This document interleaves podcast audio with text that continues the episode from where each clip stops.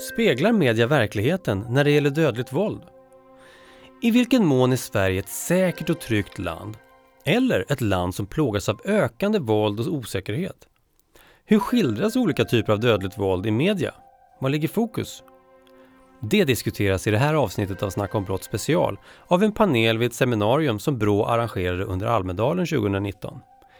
Medverkar gör Jonas Öberg, utredare på Brå, Jonas Andersson Schwartz, universitetslektor vid institutionen för medie och kommunikationsvetenskap på Södertörns högskola och Johanna Bäckström Lärneby, redaktör på Aftonbladet. Moderator är Willy Silberstein. Jag säger också varmt välkomna hit. Upplägget är att jag kommer att ställa frågor till varje panelist och sen kommer vi också att lämna tid på slutet för frågor från er om det nu finns sådana. Så jag börjar med Jonas Öberg, utredare på BRÅ. Eh, jag tänkte vi sätter först bilden av eh, risker för dödligt våld och så vidare. Utifrån det sen pratar vi mer om media speglar den verkligheten. Jonas, ge oss en bild. Hur allvarligt är dödligt våld i Sverige idag? Tittar man, eh, vi har ju släppt en studie som, som, eh, där vi har tittat på allt dödligt våld med 2014 och 2017. Så jämför vi det bakåt i tiden. Och tittar man på den senaste perioden då så, så har det skett en, en, en ökning omfattningsmässigt av dödligt våld. De senaste tre åren ligger det på en, på en förhöjd nivå, drygt 100 fall per år. Så var tredje dag ungefär så dödas någon på detta sätt? Eh, det stämmer. Eh, I ett längre tidsperspektiv från början på 90-talet ungefär. Då låg, då låg det betydligt högre, 1,3-1,4 fall per 100 000 i befolkningen. Och sen har det stadigt minskat fram till mitten på 00-talet där man ser den här förändringen. Vet man någonting varför det började gå upp där i mitten av 00-talet? Förlåt, mitten av eh, 10-talet. Eller ja, 10-talet. Uh, ja, alltså den, den, här rörelsen, även om man ser, det är bara de senaste åren man ser det på totalen, så har själva rörelsen, kan man se längre, det är de här konflikterna i kriminell miljö som som har ökat och, och de började öka redan för 15 eh, år sedan. Mitten på 00-talet någonstans så började de successivt öka och nu har de ökat så mycket så nu får de ett genomslag på totalen skulle man kunna säga. Och när, på tal om att ändå kopplat till den mediala bilden, man får ju ett intryck av att det är en dramatisk ökning. Du som sitter på siffrorna och ser helheten, vad säger du? Är det en dramatisk ökning i siffror? Alltså varje dödsfall är dramatiskt, det behöver vi inte ens säga. Men... Ja, så alltså ämnets karaktär är ju, är ju väldigt dramatiskt jo. såklart. Men, men, är det en kraftig ökning eller? Nej, alltså, vad ska jag säga? Nivån idag är betydligt lägre än på, på i början på 90-talet. Sen är, har det ju skett en karaktärsförändring av dödligt våld kan man säga. Där, där eh, andra typer av dödligt våld har ju, har ju minskat. Det är ju de här konflikterna i kriminell miljö som har mm. ökat. Mm. Och eh, återigen, varje dödsfall är eh, förfärligt och, allt, och så vidare behöver jag inte ens säga. Men om vi sätter in det här i ett internationellt perspektiv, är det ändå jämförelsevis lägre siffror eller vad ser du? Ja, eh, FN tar fram eh, eh, siffror relaterat till befolkningen i olika länder. Och där eh, i genomsnitt drygt fem personer per 100 000 i befolkningen. Så att jämfört med det så ligger vi väldigt lågt. Tittar man på ett europeiskt perspektiv, Eurostat tar fram siffror för, för vad ska jag säga, hyfsat jämförbara europeiska länder. Eh, och där ligger vi nu någonstans i, i mitten kan man säga efter den här lilla ökningen. Det, det, är, det är väldigt trångt, de, de flesta varierar runt en, en person per 100 000 i befolkningen. Så att den här lilla ökningen har gjort att vi har hoppat upp eh, till, vi ligger någonstans i mitten kan man säga. Ja. Och du har varit inne på det att en förklaring till att det nu har ökat på senare tid är gängrelaterat våld. Men i övrigt, vilken, vilken typ av eh, situationer eller miljöer pratar vi om när det handlar om dödligt våld? I och, med att, säga, I med att fokus är i så stor utsträckning på just konflikter i kriminell miljö så tappar man kanske att, att säga, den vanligaste våldsmetoden har alltid varit knivvåld exempelvis eh, och är så fortfarande även om skjutvapen nu börjar ta in lite grann av, av skillnaderna. Mm. Eh, den vanligaste brottsplatsen har alltid varit någons bostad även om det på senare tid har minskat lite grann till, till fördel för, för miljö, gator och torg, offentliga Mm. miljöer och sånt. Eh, Men, men eh, visst, det är fortfarande en bostad det rör sig om. Ja, Och är det oftast eh, familjerelaterat när det är i bostad inte minst? Då? Det, det ska man också komma ihåg att, att eh, i nära relationer och övriga familjen är fortfarande den vanligaste typen av dödligt våld. Ja. Även om det då har minskat sedan sen 90-talet när det var vanligare. Och kvinnor, män, vad ser du där som offer? Där ser man ju väldigt tydliga skillnader. När en kvinna faller offer för dödligt våld så är det oftast eh, den egna partnern eller före detta partnern. Det är också vanligt med, med övriga familjen, eh, vuxna, barn, barnbarn, den typen av, av eh, gärningspersoner eller relationer mellan gärningspersoner och brottsoffer. Tittar man på män så, så är det istället eh, vad ska jag säga, dispyter och konflikter som ligger utanför den omedelbara familjen. Dels är det då konflikter i kriminell miljö som jag har pratat om. Det är eh, dispyter i marginaliserade kretsar. Det, det är allt möjligt men utanför familjen. Så där är det väldigt tydligt en skillnad mellan kvinnor och män.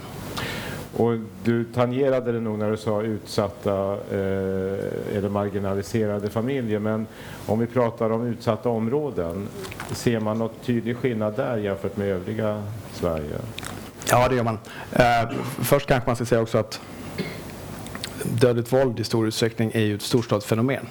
Så att det är betydligt vanligare i storstäder än på landsbygden, även då relaterat till att ja, de flesta bor i, bo- i storstäder så att säga. Så att i Stockholms län är det vanligast, följt av Västra Götaland och Skåne och så är det betydligt ovanligare i, i resten av landet. Ja. Men sen ovanpå det då så har vi tittat på eh, de här utsatta områdena som, som NOA, polisens nationella operativa avdelning, plockar fram varje år. Så den senaste listan från NOA, vi har, har placerat brottsplatser i de områdena och så jämför vi med resten av landet.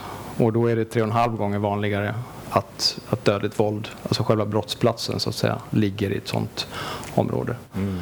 Vi har, vi har inte eh, vi har inte befolkningssiffror på de här områdena uppdelat på kvinnor och män. Men om man har som grundantagande att det bor ungefär hälften kvinnor och hälften män i de här områdena så tittar man bara på män så, så är det ju drygt fem gånger vanligare.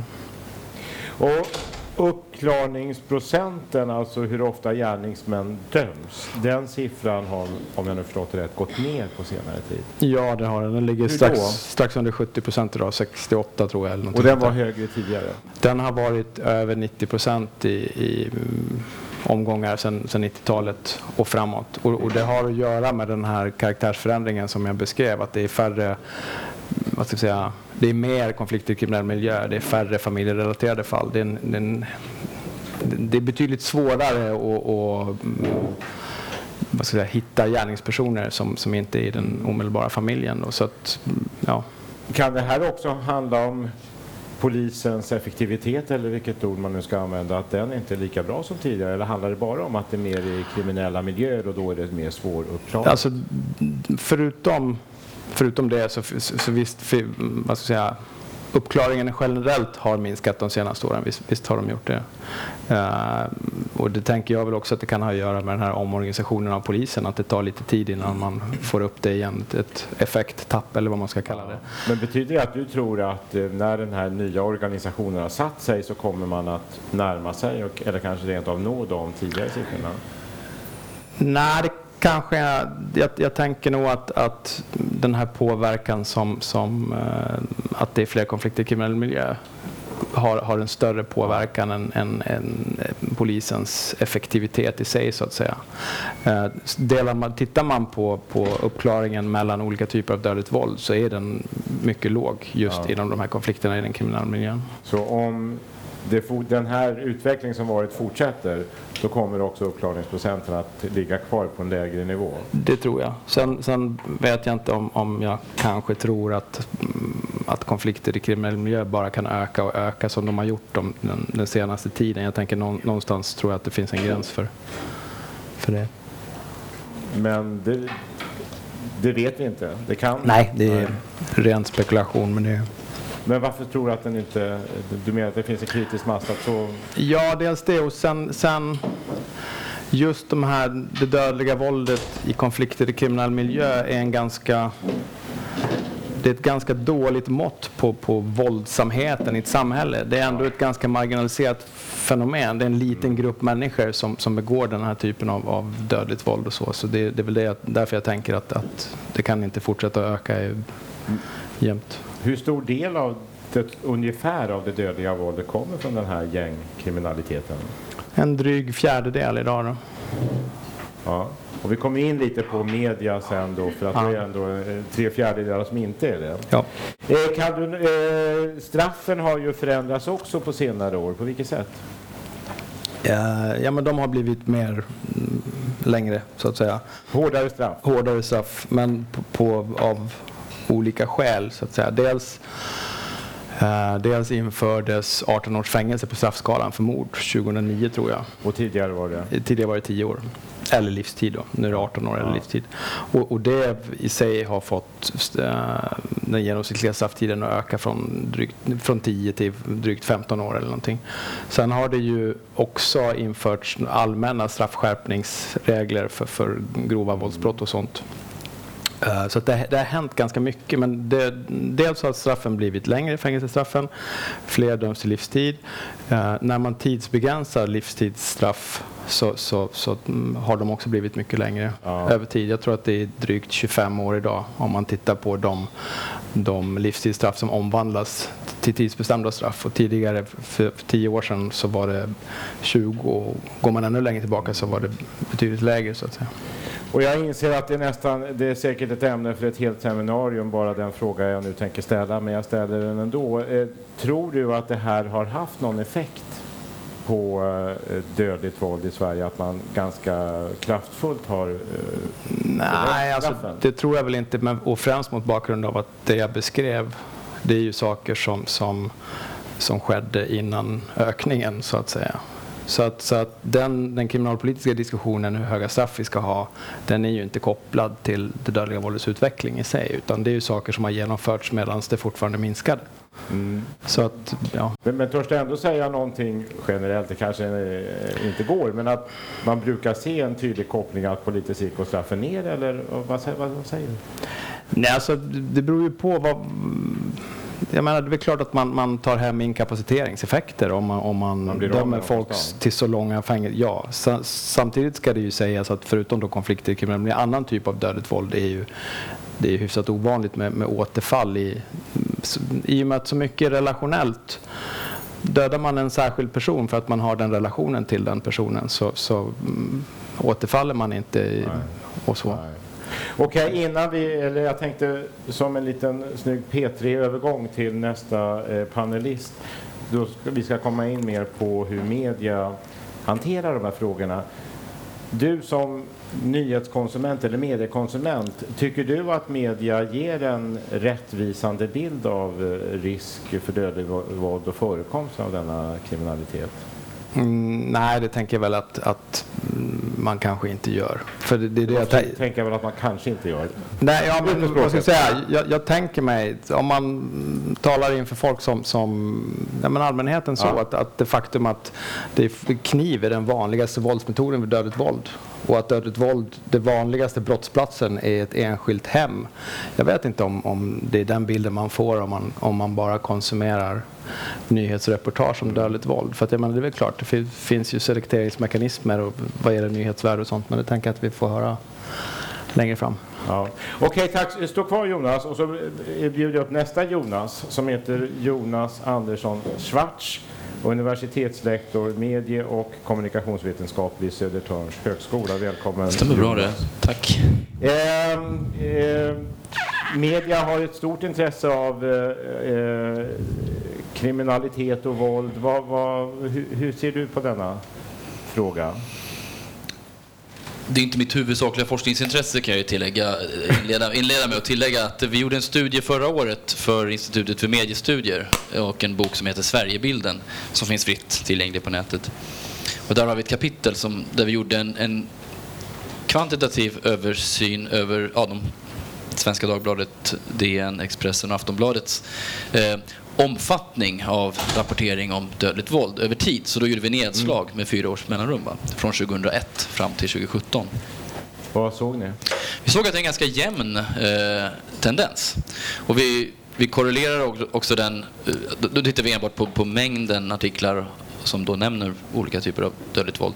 Eh, men det är en ganska jämn eh, frekvens, framförallt också om man jämför den med det faktiska antalet brottsfall mm. per år.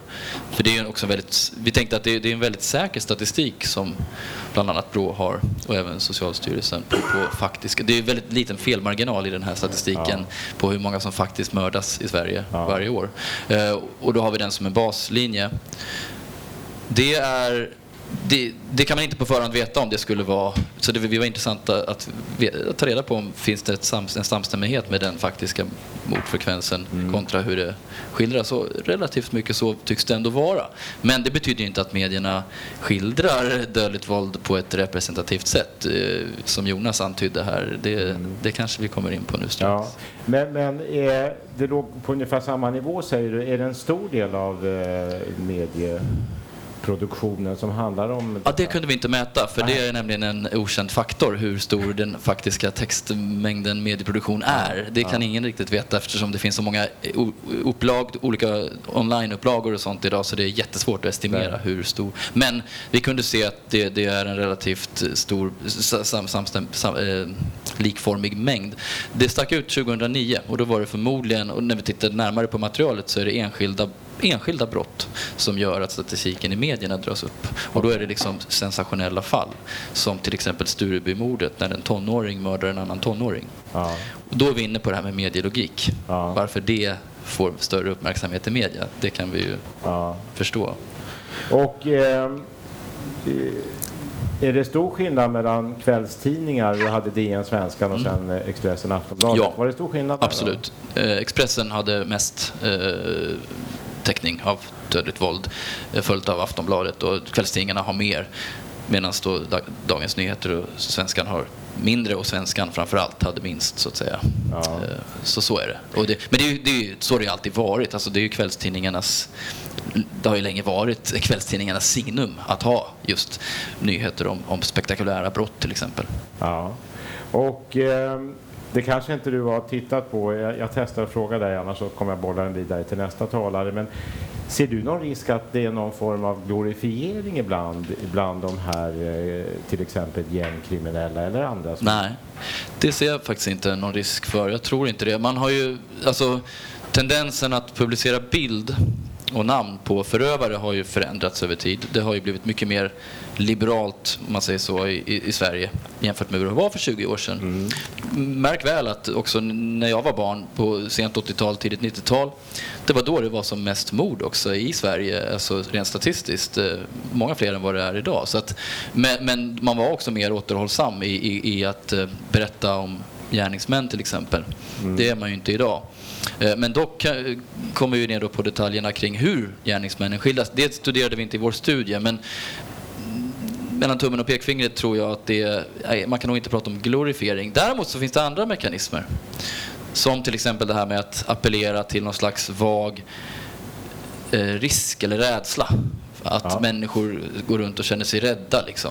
Och det tror jag medierna kan förstärka tveklöst. På vilket sätt då? Jag tror vi anar. Nej, att man bygger upp, målar upp en bild av att det är osedvanligt. Alltså att de brott som förekommer är då skjutningar och så vidare. Och man slår upp det ganska stort också med ja. bild och alltså ofta bilder på själva eh, brottsplatsen och så vidare. Ja. Eh, och därtill, en annan sak vi solklart eh, såg var att de brottsoffer som i verkligheten är väldigt sällsynta, det vill säga barn och kvinnor, framförallt barn är väldigt sällsynt. Eh, det får ju mycket större uppmärksamhet när det sker i, i, i massmedia. Ja. Just för att det är sensationellt. Och då kan det också ge intrycket av att det är, mer, att det är ett större Absolut, hot? självklart. Men å andra sidan, så var det för 20 år sedan också, ja. eller för 30 år sedan. Ja. Alltså, läste man löpsedlarna och kvällstidningarna då så var det nog ganska lätt att få en bild av att. Sverige var mycket farligare än vad det faktiskt är. Tack eh, Jonas. Eh, nu ber jag Johanna Bäckström Lerneby från reporter på Aftonbladet att komma fram. Välkommen upp Johanna. Tack så mycket. Alla börjar på JO i den här panelen. Ja, faktiskt. Det är svårt för mig, men jag ska försöka. Eh, mm. Hur viktigt är eh, kriminalbevakningen för en tidning som Aftonbladet? Jätte, jätteviktig. Vad- Det är ju det precis som... Är det det? Ja, alltså vi, eh, alltså, vi pratar på Aftonbladet så pratar vi ju eh, mest av digitalt nu. Vi pratar ju väldigt sällan om papperstidningen, även om vi har den fortfarande. Men eh, det, är, eh, det är klart att det säljer, men det också har varit historiskt då, på, för en kvällstidning. Att det är, på samma sätt som sporten är också ett, en sån där, Ja. ett ben som du något ville sätt, på. kanske inte du, jag har inte bett om det före, det kanske inte du har, men Mm. på något sätt, hur mycket mera klick blir det på det än övergår? Kan du säga något om det? Nej, det är lite svårt att säga. Det beror helt på eh, framförallt eh, vilket brott som sker. Det beror på när det sker. Det beror på hur nyhetsflödet ser ut i övrigt. Ja. Jag kan ta som ett exempel. I söndag så hände det ju tre stycken skjutningar med eh, vad var det, en och en halv timme, två timmars mellanrum i Stockholmstrakten. Och eh, vi gjorde jättemycket journalistik på det. Eh, både eh, en och två och tre dagar och jag tror att det här kommer vara en följetong som, som vi måste rapportera om ännu mer. Och det var några av våra mest lästa artiklar. På vilken tidsperiod? Alltså den dagen? Ja, precis. Ja. precis. Så att, men det sorgliga är ju att liksom sker det en, skjutning i, i förorten så får det inte så mycket uppmärksamhet längre eftersom att det är så himla vanligt. Man Så att det är inte så att det är så spektakulärt. Alltså våra läsare eh, Alltså, våra läsare läser mer en artikel om det sker en skjutning i, i centrala Göteborg till exempel, eller på Södermalm i Stockholm, där det är lite mer oväntat. Men man har blivit att lite blasé. att- Ja, det, det är, om jag säger när jag jobbade som reporter på Göteborgs-Posten för 15 år sedan så skedde det en skjutning då så hade vi flera uppslag i papperstidningen. Då fanns ju inte webb, webben på samma sätt. Då hade vi flera uppslag i tidningen. Nu får samma artikel kanske en, liksom, en liten toppartikel på sidan 10. Så det, det, är en, det är en stor skillnad. Vi har ju hört här från eh, eh, tidigare talare att det finns en risk att man får en bild av att eh, riskerna är större än vad de verkligen är. Resonerar ni i någon alls eh, över den effekten som er publicering kan få eller är det bara det här är en stor grej vi kör? Tänker man någonting på andra sådana här aspekter som vi pratat om? Eh, inte, inte i nyhetsläget, utan våra, våra tittare och våra läsare de förväntar sig att vi nyhetsrapporterar på samma sätt. Och, och det är på samma sätt om det händer någonting liksom var, var än i Sverige det händer. Händer det i förorten så förväntar sig de människor som bor där, de förväntar sig att de får en fullgod rapportering av Aftonbladet. Så att det tänker vi inte på. Om du menar liksom att nu säger söndags till exempel då att vi skulle ha undvikit att rapportera om tre stycken skottlossningar och skjutningar där två människor dör inom loppet av några timmar i Stockholm. Skulle vi ha undvikit att rapportera det så att människor där inte skulle bli räddade i Stockholm. Det är ju en, det är en horribel tanke. Mm. Det, det, ett, ett sånt samhälle tror jag ingen av oss skulle vilja ha. Nej. Och det faktum att ni, för du håller med om att ni publicerar mer bilder på eh, gärningsmännen tidigare? Eh, nej, jag vet inte riktigt hur det var på Aftonbladet tidigare, men vi har som policy på Aftonbladet att när någon döms för livstidsfäng- till livstidsfängelse, då publicerar vi i regel alltid namn och bild på den personen. Det är liksom vår grundregel. Sen så gör man ju alltid en avvägning om eh, Ja, det, det kan till exempel vara så här, döms som till 18 års fängelse för mord och sen så har personen ett par barn hemma, till exempel hemmavarande barn. Det är en sån aspekt som vi alltid diskuterar. Är det motiverat att, att publicera bilden på den här pappan trots barnen? I vissa fall så är det det, i andra fall är det inte det. Det är svårt att säga något generellt där, utan man tar sådana publicistiska beslut allt eftersom. Är det svåra beslut? Eh, inte alltid, men eh, man vrider och vänder på dem. Ibland är de jättesvåra, Ja. ibland är de svåra. Och jag kan tänka mig, jag kan ju inte så mycket om kriminella miljöer, men att ändå i vissa kretsar blir det någon form av heroisering, att om man visar bilder på gängkriminella, så många av oss förfäras säkert, men i vissa miljöer så är det inte så. Absolut. Det- Alltså det där är en jätte, jag, håller inte, jag håller inte med om att det inte finns en risk för glorifiering. Jag tror absolut att det finns en risk för det. Jag har ett, eh, exempel, ett eget exempel faktiskt. Jag skrev en, ett ganska långt reportage för ett drygt år, ett och ett halvt år sedan i Aftonbladet som handlade om en familj i Angered i Göteborg som hade målats ut att vara en maffiafamilj eh, och styr liksom hela Angered med, sin, eh, med järnhand och så. Där jag gjorde en en, eh, ett långt reportage om det, 70 000 tecken tror jag det var. Jag var hemma hos han som var överhuvud för den här familjen och släkten i Angered och intervjuade honom. Och det är klart att där finns det verkligen en risk för Eh, ska jag publicera namn och bild? Ska jag göra det här reportaget? Därför att jag förstår ju att jag förstärker ju hans makt i lokalsamhället genom att jag överhuvudtaget publicerar det. Och då får man väga det mot allmänintresset. Är det ett allmänintresse att alla i samhället får reda på att så här går det till i Angered? Det här måste människorna där förhålla sig till och så här långt har det gått med den parallella verkligheten. Och där, när man vägde de två så var den här vågskålen var, den var mycket viktigare än vad den här var. Då kan det var den här som var... Det var, allmänintresset var mycket större. För, för att visa namn och bild? för att visa namn och bild och beskriva liksom hur den här familjens makt såg ut. Eh, det var viktigare än att, att hans makt stärktes. Hans makt stärktes absolut, det är jag helt övertygad om. Men det kan i vissa fall inte hjälpas. Du måste berätta ändå. Mm, där är man konsekvensneutral som vi sa på Ekot när jag jobbade där. Ja, det är möjligt att man är det, men det är viktigt att diskutera de där frågorna och det är viktigt ja. att man är medveten om att om jag publicerar det här så stärker jag den makten. Ja. Men det kan inte hjälpas för man kan inte låta bli att berätta om parallella samhällsstrukturer ändå. Det här kan ju inte ha varit något lätt publicistiskt beslut. Eller? Ja, nej det var det inte. Alltså det var... Eh, eller vad ska jag säga? Det, både och. Alltså vi diskuterar ju det och vred och vände på det som vi gör med alla sådana stora publiceringar och även de små publiceringarna så måste man vara noggrann när man, när man vet vad man publicerar, framförallt varför publicerar vi det här. Eh, sen så var det, underlättade det ju naturligtvis att han själv var med och, och, uh, han var medveten om att hans namn och bild skulle... Ja, vi spelade ju in honom på tv och, liksom, så att han var medveten och han, det var nästan ett krav från hans sida att, att han, eller han sa, för honom var det ett krav att om jag inte är med med namn och bild så vill jag inte att ni gör det här. Mm. sen bestämmer ju inte han det. Jag kan ju säga ändå, vi publicerar ju inte namn och bild på alla som vill ha namn och bild i tidningen eller liksom online. Det gör vi inte, det funkar ju inte så. Var, varför tror du att han var så angelägen om det? Var det för att stärka sitt skrämselkapital? Ja, det skulle det kunna vara delvis. Jag tror att det fanns många olika anledningar till det. Det ena kan ha varit det.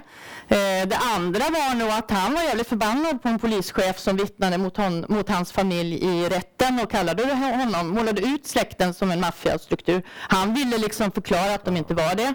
Eh, det tredje tror jag var att han och jag hade träffats tidigare vid något tillfälle så vi hade ganska bra personkemi och han är ganska han, tycker, han är ganska patriarkisk och tycker om den här han är lite fåfäng som ganska många är. Mm. Alltså han tycker om att vara i, i blickfånget och fokus ja. och så. Ja. Så att han, han kunde nog inte riktigt stå emot det heller tror jag. Ja. Så att, men det är inte, ja. Får jag göra, får jag göra lite tillägg? Alltså, så här kan det mycket väl vara. Jag tror du kan mycket väl ha, ha rätt att, att det finns en glorifieringsmekanism här och att det ibland är så. Mm. Min poäng var snarare att det är svårt att visa det vetenskapligt. Mm. Så det är svårt att mäta det liksom. Mm. Att, äh, till exempel va? Mm. Och, och, och, sätta det i representation. Mm. Det här kan ju vara så att det är så här i, i somliga fall men på, på totalen kanske det ändå är, inte alltid är så. så att, ja. Jonas, här, eh, när du hör Johanna, vad, vad tänker du? Ja, alltså...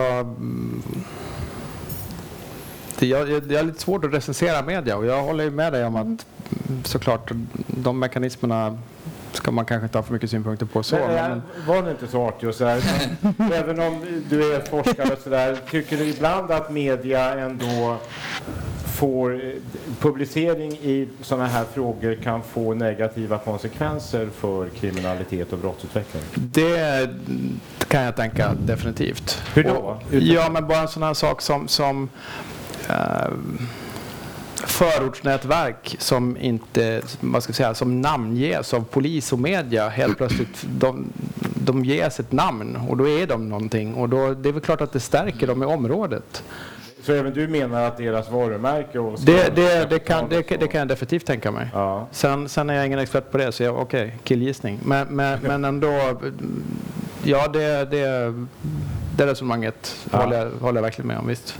Jonas där borta, vågar mm. du killgissa också? Ja, men det, det, är precis det som media inte bör göra tror jag. Vi, alltså, media bör nog inte killgissa för mycket och spekulera kring anledningarna till brott och utvecklingen i samhället stort. För det är det som är vanskligt, för då, ja. då hamnar man lätt slidigt. Kanske krönikeformen till exempel kan vara problematisk här. Varför då? Nej, men där man, där man tillskriver då den, det som sker eh, och säger att det här är en del av ett, ja men låt säga en våldsspiral i samhället och Ja. så här. Och då, då, då klär man det i en mycket större skrud än vad det kanske bör kläs i. Och den skruden bör kanske inte komma från journalistiskt håll utan kanske snarare från forskning. Där jag är ett stort fan av, att, av rak rapportering. Och det tycker jag att svenska kvällstidningar är förhållandevis bra på. Eh, Jag tror att vi har mycket bättre kvällspress här än vad många andra länder. Det ska vi komma ihåg också. Mycket bättre rapportering. Jonas och sen ska Johanna få svara. nej, men jag tänker på det du sa att, att eh, vad ska jag säga, det här med att det är det sen- se- sensationella som är det intressanta och att det alltid har varit så.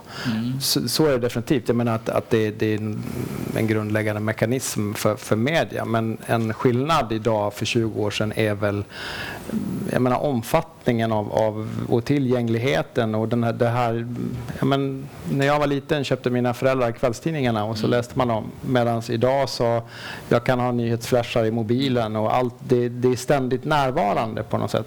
Och att, att det påverkar väl definitivt människor. Och sen Ja, men som ett exempel, jag, jag fick någon sån här, jag tror det var Aftonbladet men jag är inte säker, men, men då rapporterade man om att någon hade anmält att man hade hört skott på, på parkeringsplatsen utanför sjukhuset i Helsingborg tror jag och nu var polis på väg dit för att se om det hade varit så. Eh, Jag, jag har tidigare gjort en, en analys på Brå där jag har analys, analyserat fritexter i anmälningar. Det är väldigt, väldigt ovanligt att folk, eller det är väldigt, väldigt vanligt att folk ringer in och är helt övertygade om att det har skett en skjutning. Men det är någonting helt annat. Det kan vara en, en motorcykel med ett rakt rör som misständer eller ett smällare eller vad som helst. De, de, de, I de flesta fall så är det någonting annat. Eh, Men läser man bara den här och, och, och det är ofta så får man ju intrycket att oj, samhället är mycket, mycket farligare idag än tidigare. Vad säger du om det Johanna? Nej, jag, jag har svårt att säga eftersom jag inte vet vad det var för nyhetsrapportering. Men rent generellt så ser man väldigt sällan den typen av, av pushnotiser som vi kallar dem. Eh, och av förmodligen den anledningen som du säger att vi är väldigt medvetna om det. Och så ibland så slinker det igenom tydligen då om det var vi som hade gjort den. Jag, det, jag har ingen aning. Nej. Vi brukar inte göra det i alla fall det, men, ja. på det jag sättet. Frågan är också Jonas att det är ju inte- egentligen inte medias fel att nu finns det i våra mobiler och det kommer pushnotiser. Men det, det, men det, Man skulle ju kunna säga att det är medias förtjänst också. Det är orsaken, ja. Men vad säger du om... Nej, men, men nej, självklart. Det, och, och att det är teknik och att det är sådana saker. Och jag vet inte... mm, Ja, jag har svårt att ha synpunkter Men på, du menar på ändå, värdering. om jag ska tolka dig rätt, att den här nya tekniken mer än att kvällstidningarna rapporterar möjligen, ändå ger en, an, en överdriven bild av risker och hot? Jo, men det tror jag. Och det, har ju Ja. inte bara, det är ju inte bara tidningar. Alltså, Nej. ta podd. Hur många poddar handlar inte om mord? Och Rättegångspodden och Mordpodden och Snutsnack. Och jag vet inte, hur många finns de inte? Och, eller True Crime som, som Ja. område. Det är, det är ju enormt. Och inte Nu, minst... nu, är, nu är vi Ja. på Gotland, alltså bara deckarförfattare med mord på Gotland. Och Skulle, skulle, jag menar, Ja. Vi, vi tycker att det är Men då, då finns det väl i och för sig att man ändå, de flesta mediekonsumenterna inser att det är fiktion. ja, Men- själv, men- självklart. Men det, men, finns- eh, det finns ett men, eh, men sen glömmer vi, vi glömmer ju nämna här det hela det spekulativa annexet till massmedia som är den sociala mediesfären. Ja. Där det brusar och sprakar Ja. och finns väldigt sliriga resonemang där ute. Och som inte har några pressetiska skyldigheter därtill. Det, har där- ändå, det, det finns ändå det pressetiska systemet som Ja, formaliserar det som Och där är ju Hanna och Aftonbladet helt oskyldiga självklart. Men eh, Nej. vad säger du om det du ändå hör här? Tycker du att det är rättvist att ni ändå bidrar till en bild som är, visar ett större risk än vad verkligheten är? Nej, jag vet inte om, jag, alltså, om, de, om vi visar en större risk än vad verkligheten är. Eh, det, vi rapporterar om eh, de nyhetshändelser som sker. Ibland gör vi mer djupgående reportage av typen Alican-reportage som jag gjorde i Aftonbladet. Och det finns flera. Vapensmugglingen till exempel. Och vi, vi gör en mängd olika granskningar och gräv också. Sen har vi den snabba nyhetsrapporteringen. Den kommer vi aldrig att sluta med. Vi, där är det som folk blir extra rädda för att det skjuts liksom i, i Blackeberg eller någonstans. Så, så må det vara hänt. Vår uppgift är att nyhetsrapportera och då gör vi det. Ja. Tack! Nu tänkte jag att vi ska släppa in frågor. Jag såg många händer. Oj, oj, oj.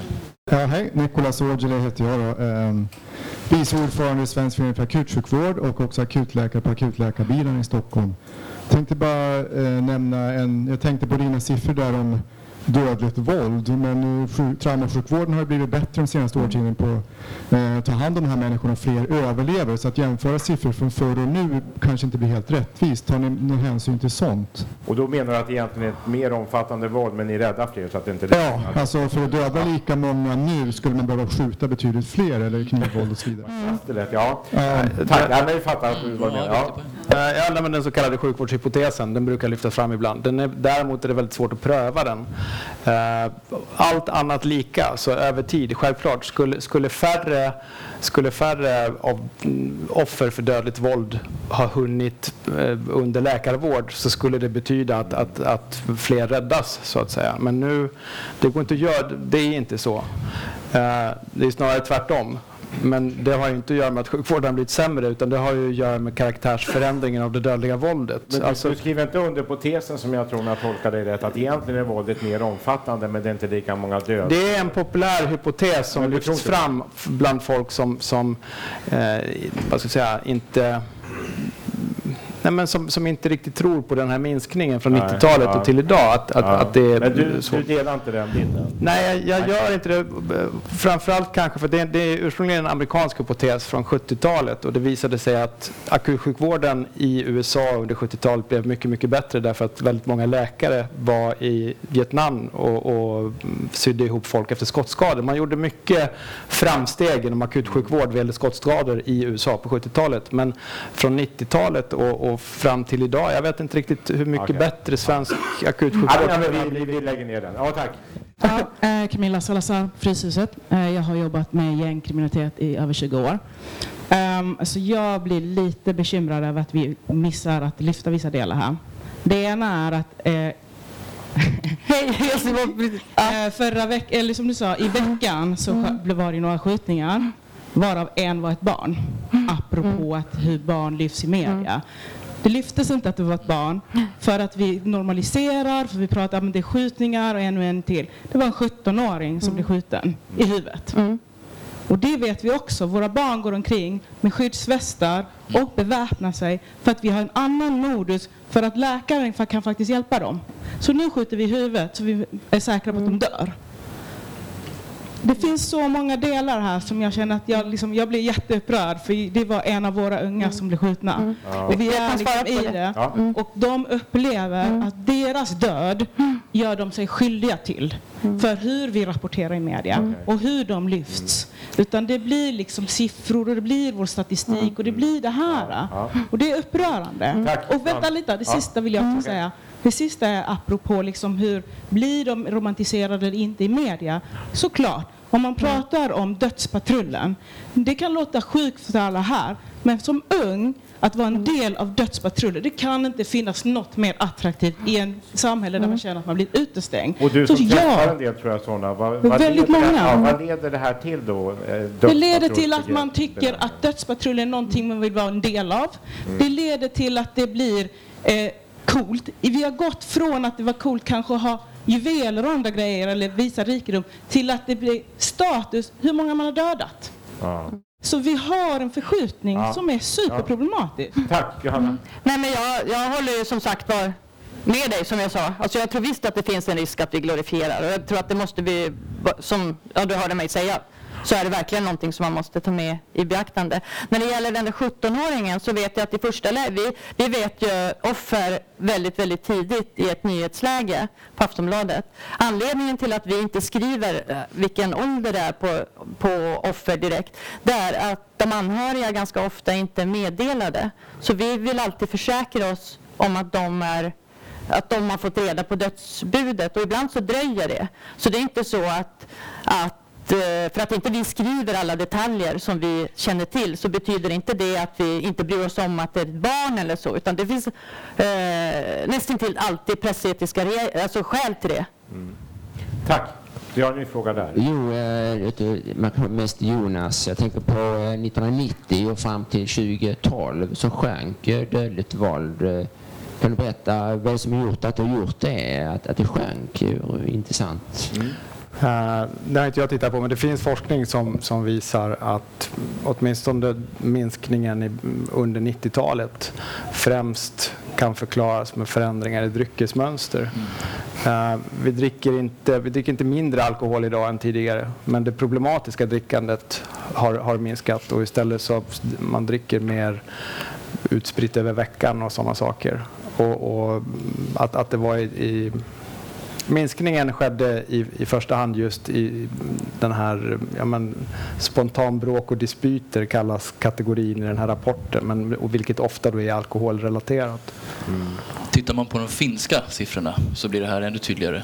I, Finland låg ju mycket högre mm, än Sverige, men de har ju haft en, en, en redig minskning. Mm. De är ju nere på vår nivå idag. Från en får, får jag tillägga högre. en sak som jag tycker är viktig? Bara? För att, eh, det är viktigt att skilja mellan tre olika saker här. Ja. Faktiska mord som, som Brå tittar på.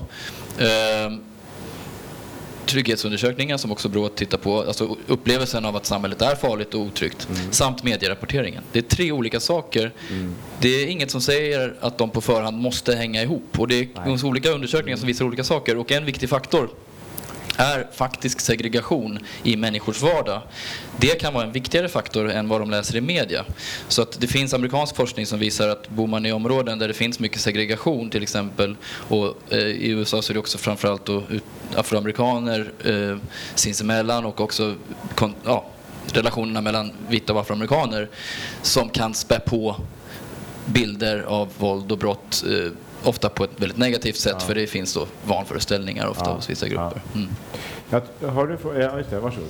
Säg gärna vad du heter då. Eh, Thomas Stockeberg Jansson heter jag. Eh, jag undrar om eh, rubriksättningen har ändrats de sista åren med tanke på att man nu, det är ju ett mediakonsumtion på ett annat sätt nu. Innan läste man en tidning, det är klart att det var viktigt med en löpsedel för att man skulle få sålt tidningen men idag så är ju själva tanken att man ska kunna se att det ska vara spektakulärt det som står innanför rubriken och uh, att man då ska in och läsa så länge som möjligt i, i den, uh, den artikel som är på insidan. Har rubrik, jag upplever själv att rubriksättning kanske har blivit lite aggressivare i, i framförallt landsortstidningar, kanske mer än, än i, i, i uh, de nationella ja. medierna. Klickjakten, leder det till hårdare rubriker? Mer dragna rubriker? Jättesvårt att säga. Jag, jag har faktiskt absolut ingen aning. Jag tycker eh, att kvällstidningar generellt har varit väldigt duktiga på, på att göra rubriker. Sen så landsortstidningar vet jag ju inte riktigt. Men det är klart att rubriksättare och våra redaktörer som sitter och jobbar och, och eh, gör det som ni ser när ni går in på Aftonbladet appen. Det, det, är klart att ibland blir det misstag där men otroligt sällan mm. måste, jag, måste jag säga. Men, men jag kan inte svara på om det har ändrats. Jag, jag har ingen aning. En sak man kan se är att agendasättande tidningar som är väldigt tydligt agendasättande, som är en form av propaganda. Då tänker jag på många av de här Samhällsnytt och Avpixlat som har en, de har en politisk agenda. De sätter ju ofta medvetna rubriker ja. där de skriver ut etnicitet med flit för att de har ett intresse av att framhålla det här. Och det ser man också med brittiska tabloider som har, det är samma skrot och korn, det, fast de, de säljs i butik till, och räknas in i det vanliga. Det är det jag menar med att det kunde varit mycket värre i Sverige. Ja. I, I, England har du tidningar som är typ som avpixlat fast i tidningskiosken. Liksom. Ja. Och där skriver de gärna sådana här etnisk, lägger etniska förtecken på ja. brottslighet i rubrik. Ja. Är det någon mer fråga här ute? Vi ska snart sluta, men det finns... Nej. Men okej, okay, då ska vi summera. Eh, mina klokaste ord i en mening till er var, tror jag. Min, min take på det här, vad nu det betyder vet jag inte själv, men därför bollar den över till dig, slipper jag den. Förlåt, jag trodde du skulle meddela mig din take på det här. Ja, jag har inga taker på något, utan jag bara bollar över till er. Det är det som är så skönt med att vara moderator. Vad, vad tycker du, vad, vad, ska vi som lyssnat här, vad ska vi tänka på om det här seminariet? Nej, men att, att konsumerar man bara media så kanske man inte får en, en, bild av hur, hur det dödliga våldet ser ut. Mm. Och jag menar, det är väl samma sak med, med med våldtäkter. Alltså att överfallsvåldtäkt, läser man tidningarna så får man intrycket att en våldtäkt är ofta en överfallsvåldtäkt fast egentligen är det vanligaste någonting annat. Mm. Johanna? Nej, men mitt medskick är så här att jag hoppas att ni som lyssnar på det här alltid, alltid, alltid framhåller media och fri press och hur viktigt det är för ett demokratiskt samhälle. Det är lite annat än vad vi pratat om, men jag tycker att det är väldigt viktigt därför att det finns så mycket andra krafter som inte vill att vi ska klara av vårt uppdrag att granska makten och se vad som händer och så. Och det är, eh, det, det är jävligt viktigt och jag, jag skulle vilja skicka med att ni, att ni tänker en, en, ett varv på det. Och fortsätt diskutera de här frågorna för de är jätteviktiga. Även det vi pratar om idag naturligtvis. Men, Jonas? Ja, jag vill säga något snarlikt det du just sa, att vi ska ändå komma ihåg att pressen har ändå en, en rad olika kvalitetssäkringssystem, eh, pressetiska regler och så vidare. Och tänker på de här sakerna och har en publicistiskt ansvar som man ändå tar. Det kanske inte tycks synas varje dag när man slår upp en tidning alla gånger, men det finns där. Till skillnad från nu då många aktörer som har seglat upp på kort tid som inte har de här, det här ansvarstagandet. Och då tänker jag sociala medier och nya alternativmedier och så vidare. Tack, och innan vi sätter den sista punkten ska jag bara säga att om en kvart klockan två så har vi ett närliggande ämne, skjutningar i krimine- kriminella miljöer. Vilka skjuter och vad gör vi åt det? Med det sagt, tack till er som kom, tack till panelen.